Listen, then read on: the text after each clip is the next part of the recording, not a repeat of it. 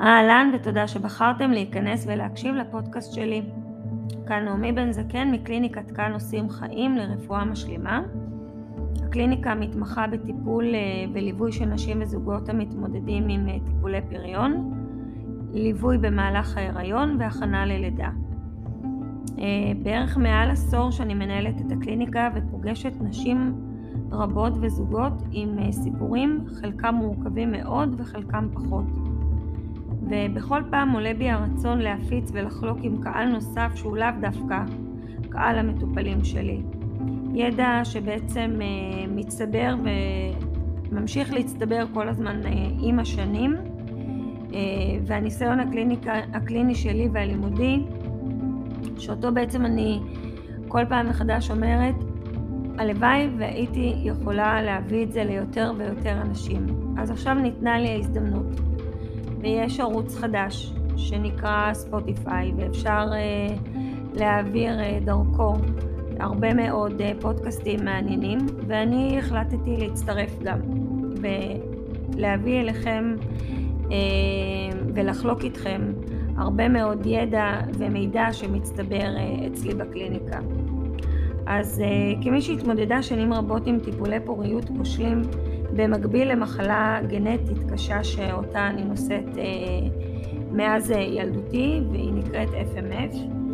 אה, אצלי התבטאה בצורה מאוד מאוד אה, קשה אה, והיא באה לידי ביטוי בהתקפים מאוד מאוד אה, קשים של אה, כאבי אה, בטן ופרקים, אה, חום מאוד מאוד אה, גבוה אה, וזאת למעשה מחלה שאי אפשר אה, אי אפשר אה, לדעת מתי היא תחליט להרים ראש ולתקוף, היא פשוט, יש לה את הקצב משלה, והיא מחליטה מתי היא רוצה לבוא ולדפוק אה, בדלת, והיא דופקת חזק מאוד בדלת, ואפילו מתפרצת מאוד חזק. אז אה, כשלמעסה בילדותנו חונכנו שברגע שאנחנו חולים, אז אנחנו הולכים לרופא, והרופא נותן תרופה או מפנה לאשפוז אה, בבית חולים, אה, וגם שם מקבלים תרופות, וזהו, ומשתחררים הביתה, ואם זה יקרה עוד פעם, אז עוד פעם צריך לחזור לרופא, ועוד פעם צריך לחזור לאשפוז, אבל אין בעצם אה, טיפול שיכול היה לגרום למחלה שלי להיות הרבה פחות ריאקטיב ולהגיב לכל דבר שקורה לי בחיים. אז אני חושבת שעם השנים למדתי ללמוד יותר על מה עושה לה יותר טוב או איך היא תגיב פחות אה, לכל מיני שינויים. אה, ובאמת אה, היום, אחרי כל כך הרבה אה, למידה והבנה אה, וניסיון שצברתי, אה, בין אם הוא אישי, לימודי, קליני, הבנתי שלא ניתן לפתור בעיה או מצב רק בדרך אחת. כשאני ובן זוגי ניסינו להרות ולא נמצאה בעיה או הבחנה, אז הגדירו אותנו כלא מוסברים. ואני לא הבנתי איך אומרים לנו שאנחנו לא מוסברים. הרי אני חולה במחלה כרונית, אני חולה במחלה גנטית, והיא בעצם תוקפת אותי אה, כל פעם מחדש ומייצרת אה, דלקות ודלקתיות. אז אולי זאת הסיבה ובכל פעם שהעליתי את האפשרות הזאת אל מול הרופאים, אז אמרו לי שלא, אין קשר בין המחלה שלי לבעיות הפריון שאני נמצאת בהם או סובלת מהם, שבעצם לא נמצאה שום בעיה, פשוט לא הצלחתי להירות באופן טבעי וגם לא הצלחתי אה, לקלוט או להשריש את העוברים, למרות שמבחינת הטיפול של הרופאים אה, הייתי בגבעה מאוד מאוד אה, יפה.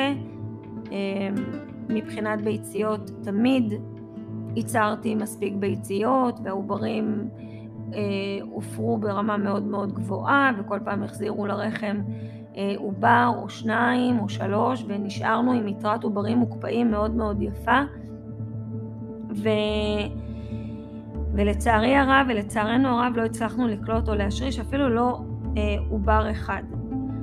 אה, בסוף אה, הגורל אה, צחק עלינו וחיכה לנו איפשהו בפינה והרינו באופן טבעי תוך כדי זה שוויתרנו והלכנו לתהליך של אימוץ.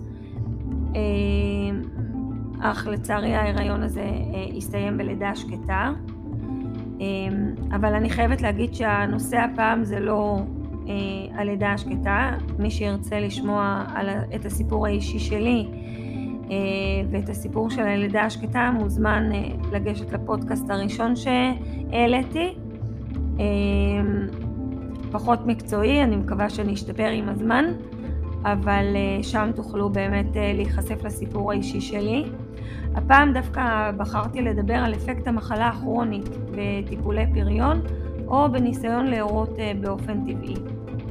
אז יש כל כך הרבה מחלות כרוניות או מחלות גנטיות, אוטואימוניות, איתן מגיעה האישה או הגבר לתהליך כניסה להיריון. אנחנו לא מדברים פה רק על פריון האישה, אנחנו מדברים פה גם על פריון הגבר במחלות, אה, אה, במחלות כרוניות, גנטיות. אה, והפעם אני בוחרת דווקא לקחת דוגמה, לא את מחלת ה-FMF שלי, כי היא פחות מדוברת, ולצערי הרב פחות ופחות נשים מדברות על המחלה הזאת, לפחות אני אפילו לא אדע לזה. כן מגיעות אליי היום יותר נשים חולות FMF שמנסות להרות, אה, ולשמחתי הרבה, באמת, אה, הניסיון שהיה עד היום בקליניקה הביא לתוצאות מעולות עם כל אישה. הגענו ל-100% הצלחה כבר אה, בטיפול הראשון או השני. אבל היום אני בוחרת לדבר על מחלת האנדומטריוזיס, שהיא מחלה כרונית, אוטואימונית, דלקתית, תלוית אסטרוגן, שבה התאים הדומים לתאי רירית הרחם נודדים או גדלים לאזורים שמחוץ לרחם, כמו אה, חצוצרות, שחלות, אגן, שלפוחית השתן, חלל הבטן, ובמקרים חמורים ונדיר, ונדירים גם אה, אל בית החזה. אה, אני רוצה לסרוק איתכם קצת, או לסקור אפילו את, ה, את החלק המערבי של המחלה. הטיפול אה, המערבי למעשה נחלק לשלושה חלקים. אחד זה הטיפול בתרופות שהן תרופות אה, נגד כאבים ונוגדות דלקת. אה, שתיים, שזה גם טיפול תרופתית, טיפול הורמונלי, תרופתי, מדכא שחלות וביוץ. והשלישי שהוא ניתוח להסרת נגעים, שזה מהלך כירורגי פולשני, הרבה יותר אגרסיבי לגוף. שבו למעשה אה, מבקשים להסיר נגעים אה, של רירית הרחם שנדדה לה למקומות אה, מרוחקים יותר ויצרה דלקות, הידבקויות וכדומה. חשוב להבין שאישה שעוברת ניתוח לא תמיד זה הפתרון. מחקרים מראים ששיעור החזרה של הכאבים והמחלה אה, נמצא אצל כ-50% מהאנשים, אה, והם למעשה יחזרו אה, לסבול מכאבים והמחלה תחזור גם למצב הקודם שלה. אז זה מאוד מאוד חשוב לדעת מבחינת סיכון סיכוי. סימנים וסימפטומים של המחלה הם כאבים בזמן הווסת או הביוץ, כאבים בקיום יחסים, נפיחות בטנית, כאב במתן שתן, דימומים בין ויסטיים, בעיות עיכול כמו עצירות ושלשולים לסירוגין, כאבים באגן אה, ועוד. דרך אגב, אה, כשאני כתבתי ככה את הסיכום אה, ואת הראשי פרקים לאנדומטריוזיס, פתאום עלתה בי המחשבה שלמעשה הרבה מכל הסימפטומים האלה פקדו אותי בעבר כחולת FMF. ולכן אה, עלתה בי השאלה, אולי אני הייתי אחת מאותן נשים שהרפואה לא אבחנה כמו שצריך, אולי פספסו אותי בגדול, או אולי בעצם הייתי חולת אנדומטריוזיס יחד עם אה, מחלת ה-FMF, ואז בעצם לא ידעו אה, לאבחן אותי. אז באמת בשנים האחרונות אנחנו עדים לגל גדול, אפילו סוג של מגפה. היום אנחנו בעידן המגפות כמו הקורונה, אה, יש הרבה מגפ... מגפות אה, נוספות שבכלל לא מדברים עליהן, אף אחד מדווח לנו עליהן, אנחנו לא רואים את המספרים שלהן בחדשות, אף אחד לא סוגר קניונים ואף אחד לא סוגר כניסות למקומות מסוימים, רק בגלל שיש הרבה מאוד מחלות קשות שהרבה מאוד אנשים סובלים מהם, ולמעשה אף אחד לא נותן עליהם את הדעת בהחלטות כאלה ואחרות, אבל אנחנו לא מתעסקים גם עם זה הפעם. אה, ואני כן רוצה אבל להגיד שהגל הגדול הזה שאנחנו רואים אותו היום, יכול להיות, זאת אה, מחשבה אישית שלי, שזה כמות מאוד מאוד גדולה של נשים שאולי בעבר הגיעה אה, להתלונן על סימנים סימפטומים של אנדומטריוזיס, ובעצם הרופא אה, המטפל או הרופא שפגש אותה לראשונה סגר את זה במשהו מאוד מאוד מצומצם, שהילדה, נערה, אישה סובלת אה, מכאבי וסת. אה, זהו, תקחי לך גלולות, גלולות שאת יכולה לקחת אותן למשך 21 יום ואז להפסיק, או שהכי טוב זה שפשוט תקחי את הגלולות רצוף, ללא הפסקה, כדי להקטין לרמת אפס את הגירוי השחלתי, וכשתרצי להיכנס אה, להיריון או שתרצי ללדת או להביא ילדים בעצם תבואי.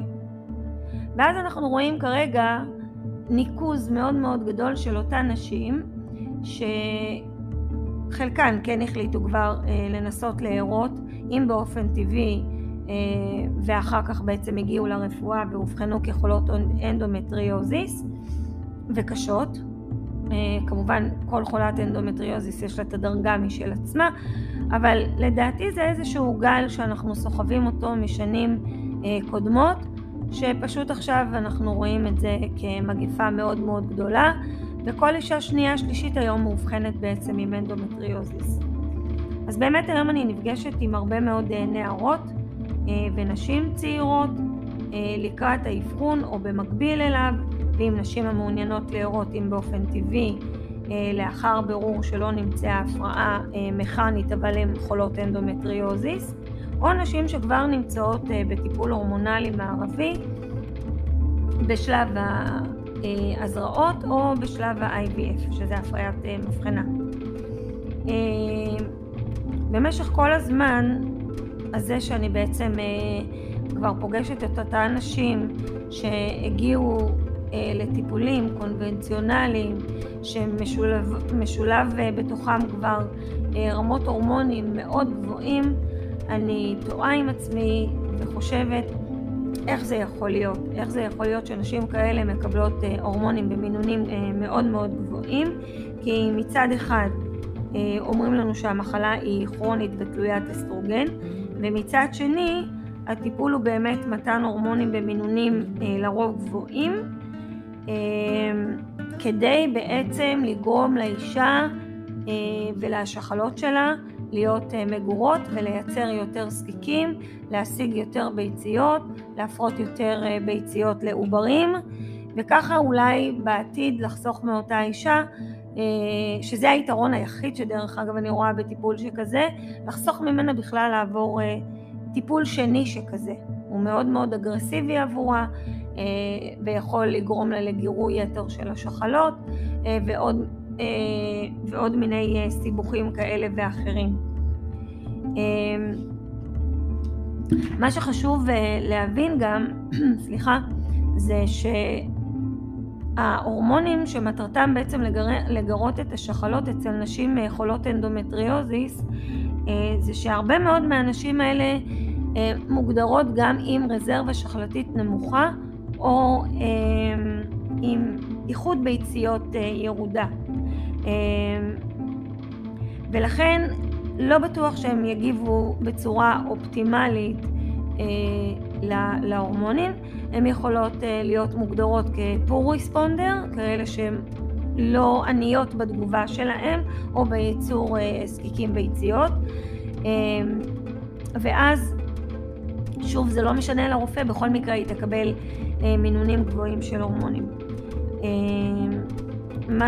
מה, שהאישה הזאת בעצם אה, תראה במקביל לטיפול זה תמונת בטן מאוד לא יפה. נפיחות בטנית, כאבים ממוקדים באזור השחלות, שחלות מוגדלות, הצטברות של מים או נוזלים בגוף בכלל, בבטן, ויש נשים שמגיעות כבר לטיפולים הורמונליים עם הימצאות של אנדומטריומה על השחלה, זה יכול להיות על שחלה ימין, זה יכול להיות על שחלה שמאל, שהיא למעשה ציסטה, ציסטה עכורה נקרא לזה, או ציסטה גבישית, גדושה, שיושבת על השחלה וגורמת גם לכאבים מאוד מאוד קשים והפרעות בפריון. חשוב להבין שבמצב כזה ימליצו לאישה לעבור טיפולי פריון בנוכחות האנדומטריומה ויש נשים שנושאות אפילו יותר מאחת בשל כך שהניתוח כמו שהזכרנו קודם עלול לגרום לאיבוד הרזרבה השחלתית שגם ככה נפגעת מהמצב הזה. נקודה נוספת שהיא קשורה לאנדומטריוזיס אבל אני רוצה להוסיף אותה גם לגבי בעיות פריון אחרות נקודה שאני מבינה אותה יותר ויותר עם הניסיון הקליני שלי עם נשים זה שעל אף כך שנשים עוברות בדיקות מרובות למקד את האבחנה עדיין אנחנו לא נראה שינוי כל כך מהותי בשיטת הטיפול ולא משנה מה האבחנה, זה יכול להיות אנדומטריוזיס, שחלות פוליציסטיות, רזרבה נמוכה, רירית דקה, גיל האישה, כל הסיבות שבגללן בעצם אישה יכולה, אפילו unexplained, פריון מסיבה לא מוסברת, בעצם אנחנו נראה שהטיפול ברפואה הקונבנציונלית נע בין פרוטוקול קצר שניתן עם אנטגוניסט או ארוך עם מדכא שמתחילים אותו בעצם היום ה-21 לווסת. הפורמולציות יהיו שונות, המינונים כמובן יהיו שונים, אבל בסופו של דבר כן חשוב שלרפואה יהיה את המידע וההבחנה המדויקת עבור כל אישה ואישה שמגיעה לטיפול אבל מה שאני רוצה להעביר כאן שזה באמת לא משנה מבחינת הפורמולציות, המינונים יהיו כמעט אותו דבר והפרוטוקולים ינועו בין פרוטוקול קצר לפרוטוקול ארוך. אז אני מקווה שהבהרתי את הנושא הזה אה, טוב. אה, הרפואה היפנית או הסינית שאיתה אני בעצם אה, משלבת את הטיפולים הקונבנציונליים כאשר מטופלת מגיעה עם, עם אבחנה, אני כמובן אתייחס אליה ממש בכובד ראש ולתוך זה אני אוסיף ואני אבדוק על ידי אבחון ותשאול מקיף מאוד סוג של אפילו סגירת מערכות שאנחנו עושים מחלות רקע נוספות שהאישה מגיעה איתן, היסטוריה משפחתית, אורח החיים אותו מנהלת המטופלת, כיצד היא מתנהלת ברמת התזונה, האם היא מעשנת, משתמשת בסמים, אולי השתמשה בעבר בסמים, האם היא צרכה אלכוהול בעבר או בהווה, איזה תרופות אה, היא אה, צורכת, האם היא צורכת גם אה, תוספים, וכמובן נתשאל על המצב הרגשי בו היא נמצ... נמצאת בתוך התהליך אה, המדובר. אה, ברפואה המשלימה וספציפית אליי זה הדיקור היפני, תזונה, צמחים ותוספי תזונה. בנוסף לאבחון והתשאול אנחנו משתמשים בכלים נוספים כמו הבחנת דופק בלשון, הבחנת גוף שנותנת לנו אה, תמונה מאוד מאוד מאוד רחבה, רפלקסים שמלמדים אותנו על המצב של המטופלת ומכאן כמובן יעלו עוד שאלות ובירורים מולה. ובעצם אה, מכאן אנחנו יוצאים לתהליך של אה, טיפול בדיקור, אה, תזונה, תוספים, רפואת צמחים, כל מה שאנחנו עושים, כל הארגז כלים וכמובן המנטורינג שהוא כולל גם מעקב ואני קוראת לזה אפילו פיקוח על הטיפול, על הרופאים, על היחידה אה, ש... שבעצם אני מביעה את אה, דעתי ועמדתי אל מול המטופלת מאירה באלף כמובן את מה שאני מבינה ויודעת נכון לאותו שלב ועם זה אנחנו יוצאים לשאלות אל מול הרופאים והיחידה. בכל מחלה בעצם מעורבים מספר מערכות ואיברים שחשוב שנסתכל עליהם ונטפל בהם. בכל פעם שאני אפגוש אה, מטופלת אה, או את המטופלת שמגיעה ליותר מטיפול אחד, הגוף יספר לי סיפור חדש ואיתו אנחנו אה, נלך לטיפול, נשאל שאלות, נבין את העמדה שבו היא נמצאת ברמה רגשית ופיזית ועוד פעם נעשה fine tuning. כל פעם אנחנו נזקק ונדייק יותר ויותר את הטיפול עבורה עד שזה יהיה המאה אחוז אה, נכון לאותו זמן, נכון לאותו שלב, אה, על מנת אה, למקסם את הסיכויים להשיג את המטרה שהוא כמובן הריון שלם ומלא ובידיים מלאות. היתרונות של הרפואה המשלימה בתהליך הוא הקלה על כל תסמיני המחלה ולא משנה באיזה מחלה עכשיו אנחנו מדברים אבל אנחנו ממשיכים עדיין עם אנדומטריוזיס, הסדרת הווסת והביוץ, הקלה על כאבים, אה, הקלה בכאבים ונפיחות אה, בטנית, הסדרת מערכת העיכול, הקלה על שלפוחית השתן. בנוסף לכל אלה אני מקפידה לעקוב אחר מעגל הווסת של האישה ולא משנה מאיזה נקודה היא הגיעה. אני מבקשת ללמוד את מעגל הווסת שלה לפחות למשך אה, חודשיים שלושה במידה והיא לא לחוצה או נמצאת כרגע באיזשהו טיפול אה, קונבנציונלי מקביל. אם כן אז אנחנו פשוט משלבים את זה אה, ומתווספים לתוכו. מכאן שאני עוקבת אחרי המעגל הווסת של האישה אני מקבלת הרבה מאוד מידע בתהליך מה שמאפשר לי ולאישה ללמוד בעצמה איך הגוף שלה אה, מגיב, מדבר, להעלות את המודעות שלה לגוף שלה ולתחושות שעולות בכל שלב של הווסת, אה, ובהתאם לכך אנחנו שוב נמליץ על פעולות להקלה ושיפור. אה, כל אלה כמובן תורמים לגוף ולנפש של האישה והמטופלת לקבל את הכלים לביצוע התהליך בצורה הטובה והנכונה ביותר, שוב לאותו הזמן. העיקרון הטיפולי שלי למעשה מתמקד בלגרום לאיזון והרמוניה בכל המערכות, כמו אה, מערכת חיסון, מערכת הורמונלית, אה, טיפול במערכת העצבים המרכזית, אה, שהיום אנחנו עדים לכך שהיא פעילה אה, בעודף או בערעור יתר אצל רובנו בשל המצב שאנחנו נמצאים בו, טיפול במערכת העיכול ובבלוטת האדרנל, בלוטת יותר את הכליה, שבעצם אה, גם כן אה, אחראית על רמת, רמות הקורטיזול בגוף, שאיתו למעשה הגוף יכול להתמודד עם מצבים כאלה ואחרים. וכמובן, ושוב, תמיד בחינת המצב הרגשי של המטופלת.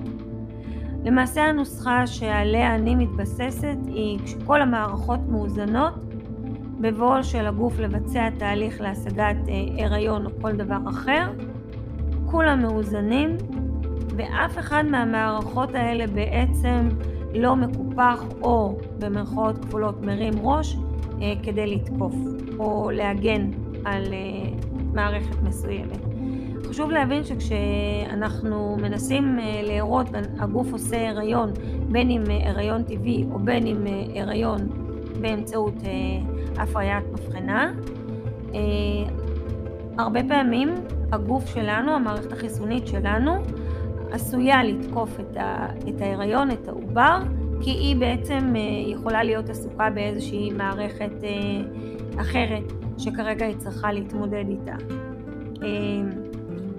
הניסיון באמת מראה וממשיך להראות לי שההתייחסות לבעיית המקור או השורש, טיפול נכון, מבוקר וממוקד, מביא לתוצאות מספקות אה, וזה משהו שהוא מאוד מאוד חשוב. הרבה שואלים אותי כמה טיפולים אני צריכה, מתי צריך לבוא לטיפול, כמה טיפולים, אין לי מושג. אה, אנחנו, אה, אני ויחד עם הצוות שלי, אנחנו תמיד נגיד שבכל פעם שתרצי להביא את הגוף שלך לטיפול, הוא יודה לך על כך. הטיפול ברפואה המשלימה זה כמה שאתם רוצים, מתי שאתם רוצים, בכל רגע וזמן, מתחילת הווסת, מהרגע שמגיעים אלינו, לא משנה מאיזושהי נקודה, מה שתרצו לשלב זה יעשה עבורכם את האפקט שיעשה. אז אני רוצה קצת...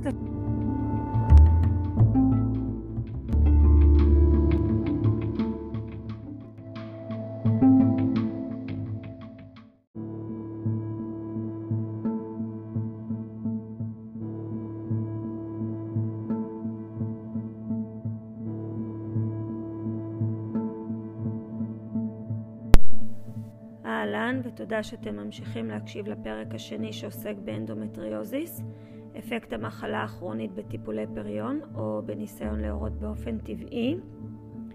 אה, כאן נעמי בן זקן מקליניקת כאן עושים חיים, קליניקה לרפואה משלימה, המתמחה בטיפולים אה, וליווי של נשים וזוגות המתמודדים עם טיפולי פריון, ליווי במהלך ההיריון והכנה ללידה. בחלק הראשון סקרנו את המחלה ואת האפקט שלה, הן מההיבט הקליני-טיפולי, סימנים סימפטומים, הזכרנו את הטיפול והראייה ברפואה המשלימה וברפואה המערבית, ואני מניחה שיש עוד כל כך הרבה שניתן להרחיב על ההסתכלות וההיבטים של המחלה והאפקט שלה ושל כל מחלה אחרת, גם ברמה הרגשית וההיסטורית אה, של האישה. והפעם אני רוצה להמשיך אה, עם סיפור, מקרה מהקליניקה אה, של מטופלת, עין, בת 38. היא הגיעה אליי בפעם הראשונה מבולבלת מאוד ומפוחדת אף יותר. היא הגיעה אחרי שהיא נפגשה עם רופא ובעצם התלוננה על כאבים מרובים לקראת וסת ולקראת הביוץ. הרופא אבחן באופן אה, מיידי שמדובר באנדומטריוזיס אה, לפני שבכלל אה, שלח אותה לבדיקות ואבחנה יותר רחבה. הדבר הראשון שהוא רצה באמת לעשות זה קודם כל להפחית את עוצמת הכאב שלה גם לקראת הביוץ וגם לקראת הווסת ולכן נתן תרופה, טיפול לכל שלב. בשלב הראשון של הווסת היא קיבלה אה, תרופה מסוג אחד, ולשלב אה, של אה, אחר הביוץ היא קיבלה תרופה מסוג אחר. רק מה שהטיפול התרופתי מצד אחד באמת החליש את עוצמת הכאב, ומצד שני היא הרגישה שהיא יותר חלשה ותשושה, ושהיא נוטה יותר למצב רוח ירוד, שהיא לא רצתה, לא רצתה, לא אהבה להיות אה, נתונה למצב הזה, וגם היא לא רצתה להיות תלוית אה, תרופות. היא ביקשה למצוא פתרון הולם יותר, או פתרון שורש יותר אה, לבעיה שלה, אבל אה, באמת לרופא לא היה מענה רחב יותר, רק התרופות, נכון לאותו שלב. אה, מה גם שהיא נורא רצתה להראות כבר באותה תקופה, אה, והמצב ערער את האמונה שלה אה, שזה יכול לקרות אה, עם כל הסיטואציה הזאת שהיא נתונה אליה. מה גם שהרופא אמר שהמחלה מפחיתה את הסיכוי להשיג את ההיריון. אה, ועוד יותר זה הכניס אותה למקום אה, מאוד מאוד סטרסי של לחץ, מאוד מבולבל. באמת, אה, כשפגשתי אותה לראשונה, ראיתי אישה שנמצאת פשוט בשוק, מאוד מבולבלת, מפוחדת, אין לה מושג קלוש מה, מה זה אומר, מה עושים. אה, אוקיי, יש לי כאבים, יש לי כאבים לפני וסת, יש לי כאבים לפני ביוץ, אני מאוד מפחדת מהם, אבל מה זה אומר לגבי הסיכויים שלי להיכנס להיריון? למה אני לא אוכל להיכנס להיריון באופן טבעי? אז אה, באמת הפגישה הראשונה אה, התמקדה אה, בלהרגיע, בלהפחית את החרדה, בלהפחית את הלחץ, בלתת לה מענה לכל שאלה, להראות שיש פתרון הרבה יותר רחב ולתת לה את ההסבר שבעצם הטיפול ברפואה המערבית הוא אחד והטיפול ברפואה המשלימה הוא באמת משלים את מה שהרפואה המערבית לא יכולה לתת אה, מענה, שכרגע אפשר לשלב את שני הדברים ביחד, ובאמת לאפשר אה, סיכוי רחב יותר ולמקסם את האפשרויות של הגוף ושל כל שאר המחלות אה, והמערכות, סליחה, לתת מענה הולם יותר למצב. היתרון הגדול ביותר שראיתי ופגשתי אצל אותה אישה זה שהיא צרכה ספורט והרבה אה, כדי אה, להתמודד עם המצב. אה, בעיניי זה היה כבר איזשהו פתרון טוב כי אם יש משהו שחשוב אה, בטיפול זה התמדה. אני רואה שהתמדה שאיתה מגיעה אישה ועם רצון מאוד מאוד גדול אה, מאפשר להגיע אה, לסיכויים הרבה הרבה יותר גדולים לפתרון הולם. אז אמרתי לה בואי ניקח את האיכות הזאתי, שקודם כל אה, יש לך אותה, נמצא את החוזקות שלך באותו, באותו זמן ונמנף אותם. אז קודם כל זה היה ספורט. והתזונה נכנסה לתוך זה בקלות רבה. היא פשוט לקחה את, ה... את ההמלצות בצורה כל כך רצינית וכל כך אה, רחבה, אה, ובאמת האפקט של זה היה מאוד מאוד מהר. היא הרגישה שהכוח שלה חוזר לעצמה, אה, שהיא ערנית יותר, שהמצב רוח שלה משתפר, שיש לה יותר אנרגיה, וכבר ראינו את השיפור ב... בתהליך הווסת שלה בסייקל, ראינו את האפקט שלו מאוד מאוד מהיר. הכאבים פחתו באופן משמעותי. היא כל הזמן התלוננה על זה שהיא חשה כאבים והיא חשה לחץ באזור הגניטלי, הגניקולוגי שלה, אה, וזה מאוד מאוד הטריד אותה, זה מאוד הפריע לה. כל אה, תחושה, כל מיחוש שהיא הרגישה, זה הטריד אותה. אה, והיא חשבה שמשהו קורה שם, ואמרנו שזה בסדר, ושאנחנו נלמד כל רגע וכל שלב וכל תחושה, אה, ונדע להבין אותה אה, או אותו, ובעצם נזקק את זה, נמקד את זה, נדע לנשום לתוך הכאב, נדע לטפל בו, נדע להבין אותו. ובאמת להעלות את המודעות שלה לכל רגע ושלב בתהליך, עד שנגיע לזיקוק מקסימלי של, ה, של התחושות.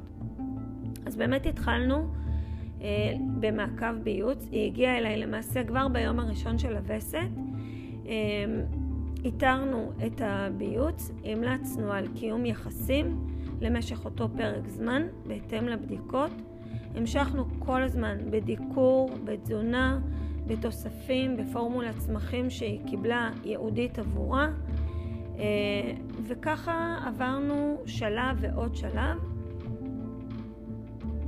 חשוב להבין שהמעגל הווסת של האישה בגדול מחולק לשתיים, יש את השלב הפוליקולרי, שבו הגוף בעצם מייצר את הזקיק אה, עד לשלב הביוץ, ואז יש את השלב הלוטאלי, שזה למעשה משלב החריגה של הביצית מהשחלה אה, והפרשה של גופיף צהוב.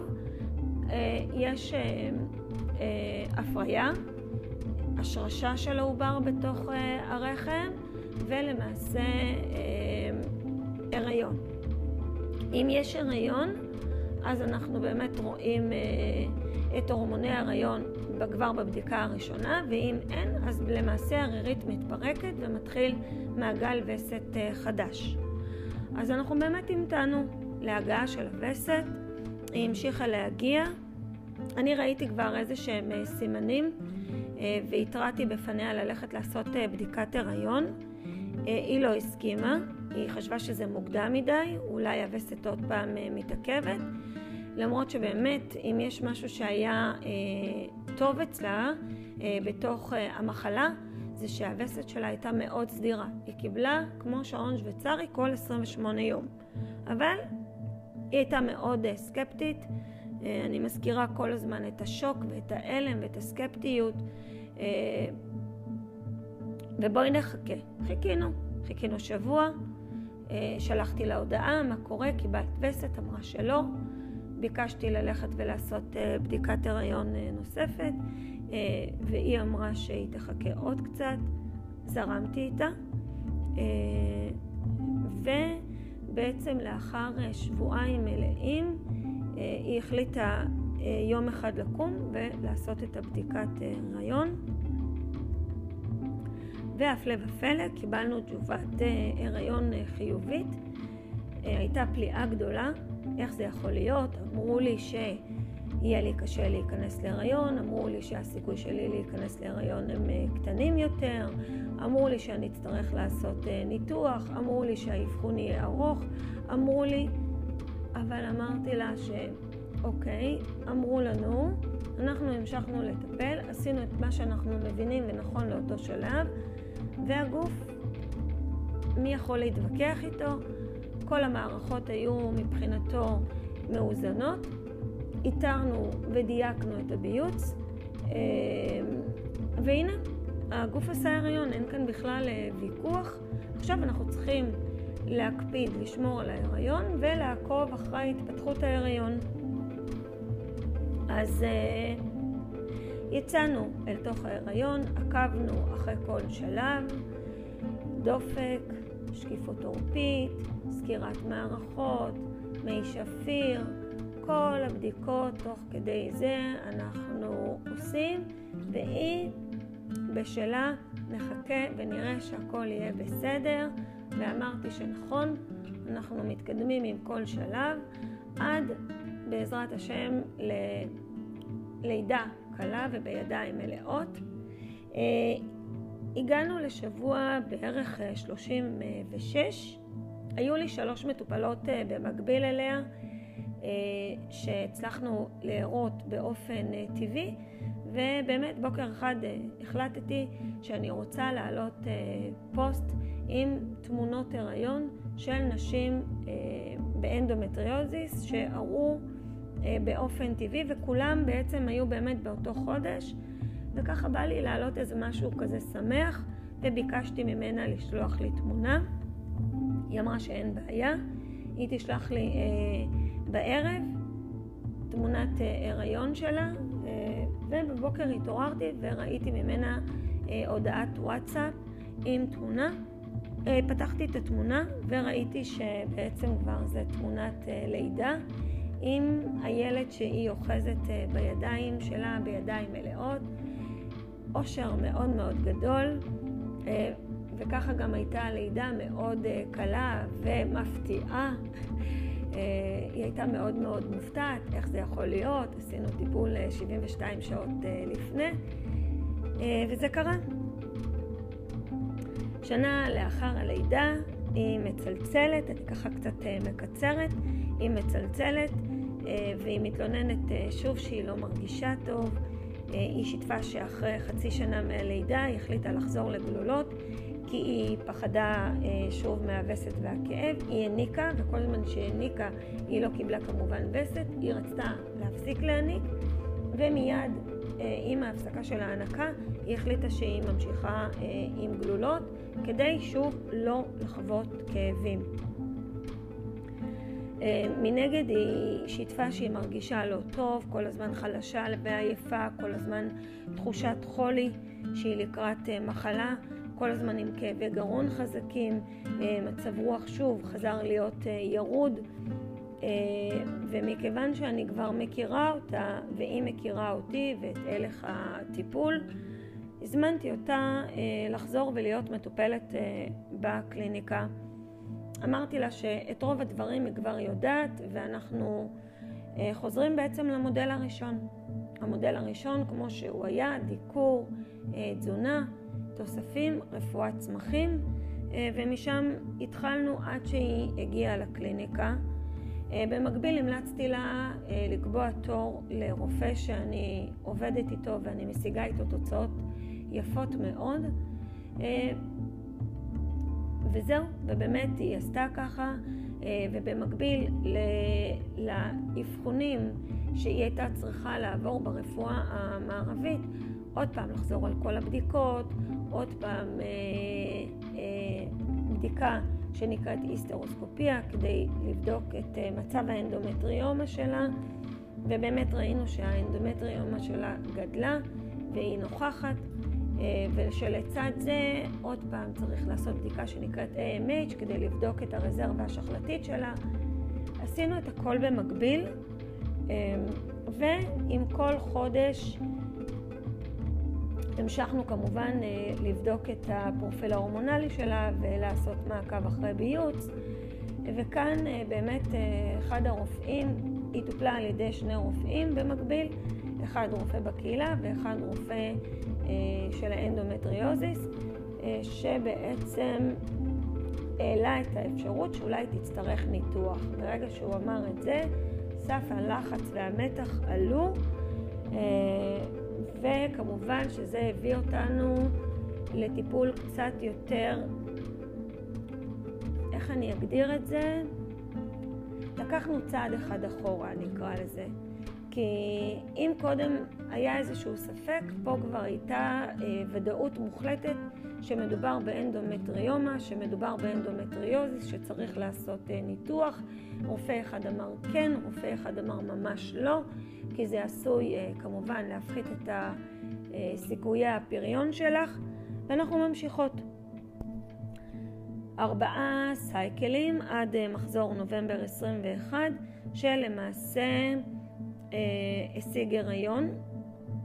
אה, אני כבר ממש אומרת שהוא השיג הריון, וחוזרת אחורה ואומרת שגם שם היא סירבה לבצע בדיקת דם, היא לא האמינה שיש הריון, שאולי עוד פעם הווסת אה, מאחרת, עוד פעם הספק, עוד פעם החוסר אמונה, עוד פעם הסקפטיות, עוד פעם ההלם והשוק.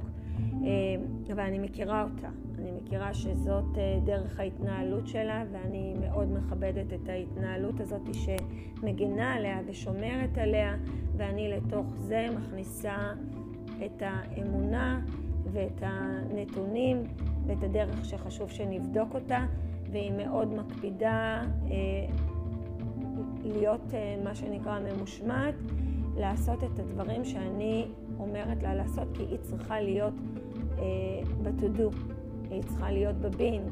אה, תגידי לי מה עושים, אני הולכת לעשות. תגידי לי מה לבדוק, אני הולכת לבדוק. תגידי לי לאיזה רופא, אני הולכת.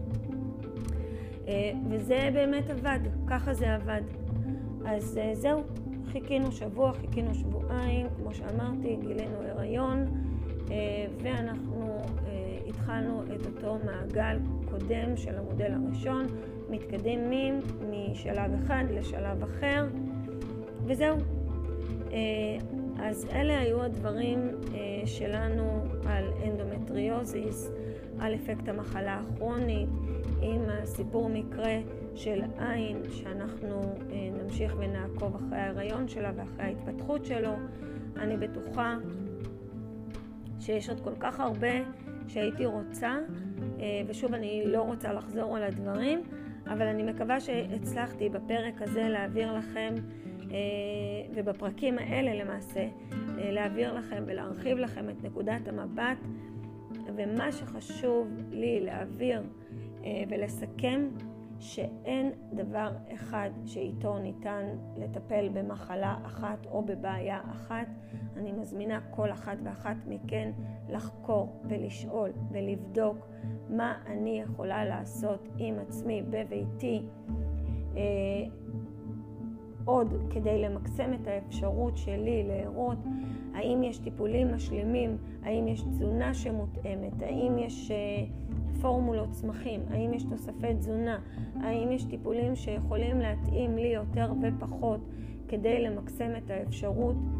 לא להפסיק לתמוך בשלב ההיריון. אני חושבת שזה שלב שהרבה נשים מחליטות להפסיק את הטיפולים והוא כל כך חשוב מכיוון שהיריון זה נכון שהוא לא מחלה אבל הוא עומס גדול על הגוף צריך להבין שיש מערכת אחת שמארחת מערכת חיים חדשה והיא צריכה לסנכרן את עצמה כל הזמן כדי להיות ספקית אנרגיה אה, משמעותית אה, עבור העובר ועבור מערכת החיים החדשה שמתקיימת לה.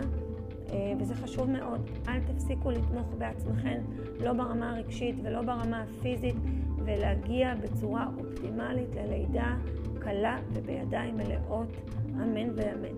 אז תודה שהקשבתם לי, מקווה שנהנתם. אני אשמח לקבל תגובות, משובים, ואני כבר אה, הולכת להכין את הנושא הבא. להתראות.